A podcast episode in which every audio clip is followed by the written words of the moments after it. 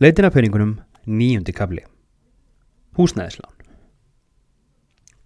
Fastegnarkaup eru yfirleitt stæstu viðskipti fólks á lífsleginni og fæst fólk kaupir og selur fastegnir oftar en þrísfart til fimm sinnum yfir æfina. Í fastegnaviðskiptum eru mjög miklir hagsmunir undir. Stærstur hluti eigna Íslandinga er til dæmis yfirleitt bundin í fastegn þeirra og því mikilvægt að vanda mjög til verka þegar keftir fastegn. Húsnæðislán eru órjúvanlegur hluti af fastegnaviðskiptum vegna þess að fæst höfu efni á að staðgræða húsnæðið okkar. Við leggjum ríka áherslu á í þessari bók að við tökum ekki lán fyrir öðru en námi í formi námslána og lán þegar við kaupum okkur húsnæði.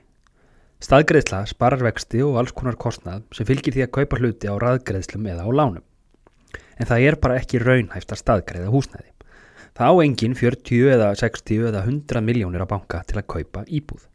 Þess vegna er hægt að réttleita háa lántöku þegar þú kaupir íbúðarhúsnæði. En þegar þú ert búin að fá samþýtt kauptilbúð í húsnæði þá þarftu að ákveða hvernig lán þú vilt taka. Það er ekkert eitt rétt svar við þessari spurningu sem gildir fyrir alla. Fyrir meður, þetta er kannski orðið svona smá þema í þessu. Þetta er ekki, það er ekki svona one size fits all. Maður þarf að vita hvað maður ætlar að gera. Og svarið þarf að rýma við þinn fjárhastlega raunveruleika og þín fjárhastlegu markmið. Hvað geturu og hvað viltu?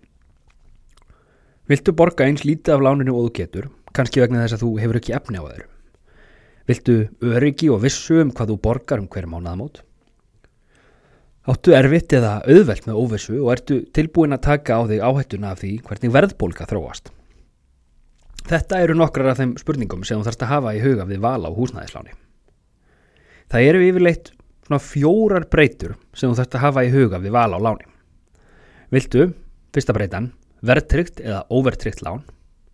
Viltu, önnur breytan, fastavexti eða breytilega vexti? Þriðja breytan, viltu jafnar afborganir eða jafnar greiðslur? Og fjórða breytan, hvað viltu greiða lánið tilbaka á mörgum árum? Byrjum á fyrstu breytunni, verðtrygt eða óvertrygt. Kostirnir við verðtri lán er að þau eru yfirleitt með lægri vöxtum og þannig lægri greiðslubyrði. Þú borgar yfirleitt minna á mánuði að verðtriðu láni. Allavega fyrstum sinn. Ókosturinn er að lánið breytist sem þýðir yfirleitt að það hækkar í taktu verðbólgu. Þetta gerir það verkum að verðtri lán hækkuðu mjög mikið eftir bankarhunni 2008 með erfiðum afleðingum fyrir lántaka. Verðtri lán eru því á vissan hátt áhættu samari en óverðtrið. Óverðtri lán hækka hins vegar aldrei, já, nema þú hættir að borga af þeim og þau eru yfirleitt með herrivexti en verðtri lán en líka, sérstaklega ef þau eru með fastavexti, fyrir sjáanlegri en verðtri lán. Þú borgar þannig yfirleitt meira á mánuði, allavega fyrstum sinn, heldur en þú gerir eða þú tekur verðtri lán, ef lánið er óverðtrið. Þegar þú ert búin að ákveða hvort þú vilt verðtritt eða óverðtritt lán, þá þarftu að ákveða hvort þú viljir fasta eða breytilega vexti. Breytilegir vextir eru nákvæmlega það sem nafni gefur til kynna. Vextir sem geta breyst, oft með mjög skömmum fyrirvara. Þeir eru að jafna því lægri en fagstirvextir því að þú, en ekki bankin, tekur áhættuna á þig af því að vakstaðum hverju breytist. Fastirvextir eru, nákvæmlega það, fastir og óbreytilegir, en þeir eru það sjálfnasta eilifu. Það er algengast að vextir séu fastir í þrjú ár í senn og stundum jáfnvel fastir í fimm. Þessu fylgis á kostur að vextirnir breytast ekki innan þessa skilgarinda tíma. Ef greiðslubyrðin af óverðtriða láninu með förstu vextina sem þú tekur er 100.000 krónur þegar þú tekur það, þá hækkar svo fjárhæð ekki á meðan vextirnir eru fastir. Ókosturum við fasta vexti, allavega hjá böngum en síður hjá lífeyrissjóðum, er að þeir eru með uppgreiðslugjald. Ef þú selur íbúðina og greiðir lánið upp, þá þarftu yfirleitt að greiða uppgreiðslugjald sem getur verið alltaf 1% af fjárhæðinni. Það jafngildir 10.000 krónum af hverri miljón. Og jú, þeir eru alla jafna hærri heldur en breytilegu vextinir. Það þriðja sem þú þarfst að skoða á ákveða í framhaldinu er hvort lánið eigi að vera með jafnar greiðslur eða jafnar afborganir. Ef þú ert með jafnar afborganir þá borgar þú alltaf jafn mikið inn á höfuðstólinn af láninu og hlutfarslega minna í vexti um hver mánaðamót. Þetta er nokkur einföldun því þetta veltur líka því hvort þú ert með verðtrikt eða óverðtrikt lán eða hvort að lánið er með fasta eða breytilega vexti. En í stuttumáli, eða svona já, aðeins aðeins lengra máli skulum við segja, þá virkar það þannig að þú tekur miljón í lán og ert með jafnar afborganir þá, og þær eru segjum tíu þá klippir þú láni bara í tíu búta sem eru 100 kall í hverri afborgun og svo borgar við alltaf vexti fyrsta mánuðin af heilli miljón pluss afborgunina, næsta mánuðin af 900.000 pluss afborgunina og þannig koll af kolli. Ef þú velur hins vegar jafnar greiðslur þá borgar þú alltaf sömu krónutölu um hver mánuðamót en þú borgar líka mjög lítið inn á höfustólinn, inn á lánið sjálft í byrjun en hærra hlutfall af greiðslunum fer í vexti. Þetta snýst svo við þegar líða tekur á lánið. Í mjög einfaldari mynd má segja að jafnar greiðslur því það lægri greiðslubyrði sem breytist ekki á lánstímanum ef vextir breytast ekki. Jafnar afborganir fylgja í sér að þú borgar meira af láninu fyrstu árin en alltaf minna og minna á hverjum mánuði. Jafnar afborganir þýða líka að þú borgar minna í vexti á lánstímanum heldur en ef þú ert með jafnar greiðslur.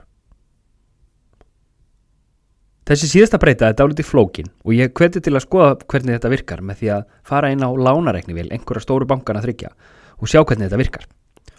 Með þessa þekkingu á vopni þá ættur ekki áttið á því hvernig þetta spilar saman. Loks þarfst þið ákveða hvað þú vilt taka láni til láns tíma. Þú getur yfirleitt valið lán til 50 eða til 40 ára, einhver starf þetta á milli. Þessi breyta er einföld. Því stittri sem lánstímin er, því hraðar greiðir þú láni tilbaka. Það þýðir að stittra lán er með hærri greiðslubyrði en þú borgar þú líka minna í vexti af því að þú ert með peningana að láni í stittri tíma. Á mótu kemur að fæst getur við borgað tilbaka 30 miljón krónar lán á 5 árum. Þetta eru fjórar likil breytur sem þú þarfst að hafa í huga þegar þú tekur lán fyrir húsnæðinu þínu. Þegar þú svo tekur ákvörðunum hvernig lán þú vilt taka þá þarfst þú að stilla þessar breytur af út frá þinni fjórarslegu getu og markmiðum. Ef þú vilt eða þarft lán með lári greiðslubyrði getur þú tekið verðtritt lán með breytilegum vöxtum jafnar greiðslu til 40 ára. En þá ertu líka að taka mikla áhættu. Ef þú vilt eignast húsnæðið þitt hratt og borga lánið hratt niður gætir þú til dæmis skoðað óverðtritt lán með jöfnum afborgunum í frekar skamman tíma og jafnvel með breytilegum vöxtum. Ef þú vilt vissu um hvað þú borgar af láninu þínu um hver mánaðamót í ákveðin tíma þá gætir þú skoðað overtrykt lán með föstum vöxtum og jöfnum greiðslum. Allt er þetta eitthvað sem þú þarfst að meta með sjálfum eða sjálfur þér og ákveða hvað hendar. Og nú ger ég þann fyrirvara svo ég lend ekki í fangelsi að allt sem ég hef sagt um þetta er til almennar upplýsingar en má ekki líta á sem beina ráðgjöfum hvernig þú er að haga þínum fjármálum. Og ég minni aftur á þáttinn allt um húsnæðisláni í leitin að peningunum þar sem farið er yfir þessi mál með ítarlegri hætti. En áður en við sleppum tökunum á húsnæðislánum þá skulum við tala aðeins um sérregnarspartnað. Sérregnarspartnaður virkar þannig að þú leggur alltaf 4% af lánunum þínum í viðbót skattfrjálst í lífeyrissjóð og að því gefnum að þú leggir að minnstakosti 2% til hliðar þá greiðir launagreiðandin þinn jafn mikið 2% í sérregnarsjóðin. Ef þú veilur að fullnýta rétt til sérregnarpartnaðar og greiðir meira, færðu sömu 2% í mótframlega. Með þessu ertu í rauninni að fá gefins 2% launahækkunum sem þú getur að vísu ekki nýtt alveg strax. En í þessu er viðbótarbónus. Við ákveðnar aðstæður er hægt að nýta þessa peninga strax og það sem meira er, þú þarfst aldrei að borga skattaðum við þessar sérstöku aðstæður. Fyrstu kaupundum íbúða stendur til bóða að nýta uppsafnaðan sérgnarsparnað alltaf tíu ára aftur í tíman í útborgunni í íbúðurhúsnæði. Og þessu til viðbótar geta fyrstu kaupendur notað sérgnarsparnað sem verður til í framtíðinni til að greiða inn á höfðustól lána eða til að lækka greiðslubyrði ef lánið er overtryggt. Þó er ekki hægt að nýta nema samanlagt tíu ár af sérgnarsparnaði með þessum hætti. Engur sem að nýtir fjögur ár af uppsöfnuðum sérgnarsparnaði í útborgun getur þannig aðeins nýtt sex ára af sérgnarsparnaði til að greiða inn á höfðustól lánsins eða lækka greiðslubyrðina í framtíðinni. Allar þessar upplýsingar má finna með því að slá inn fyrsta íbúð á leitarvila eigin vali og kynnar sér málið á vef skattsins. Lóks langar mig aðeins að tala um endurfjármagnun. Það getur verið mjög ábatasamt að endurfjármagna lán. Það þýðir einfallega að ef til bóða lægri vextir hjá annari fjármálastofnun eða þeir, þeir sömu og þú ert hjá núna, þá sækir þú um lán þar og greiðir upp lánið hjá sem þú ert með núna. Hér getur verið um verulega fjármunni að ræða. Til dæmis er 1% vakstamunur af 40 miljón krónar láni 400.000 krónur á ári. Það munar um minna. Og ef lánið er lánt þá getur þú verið að spara margar miljónir.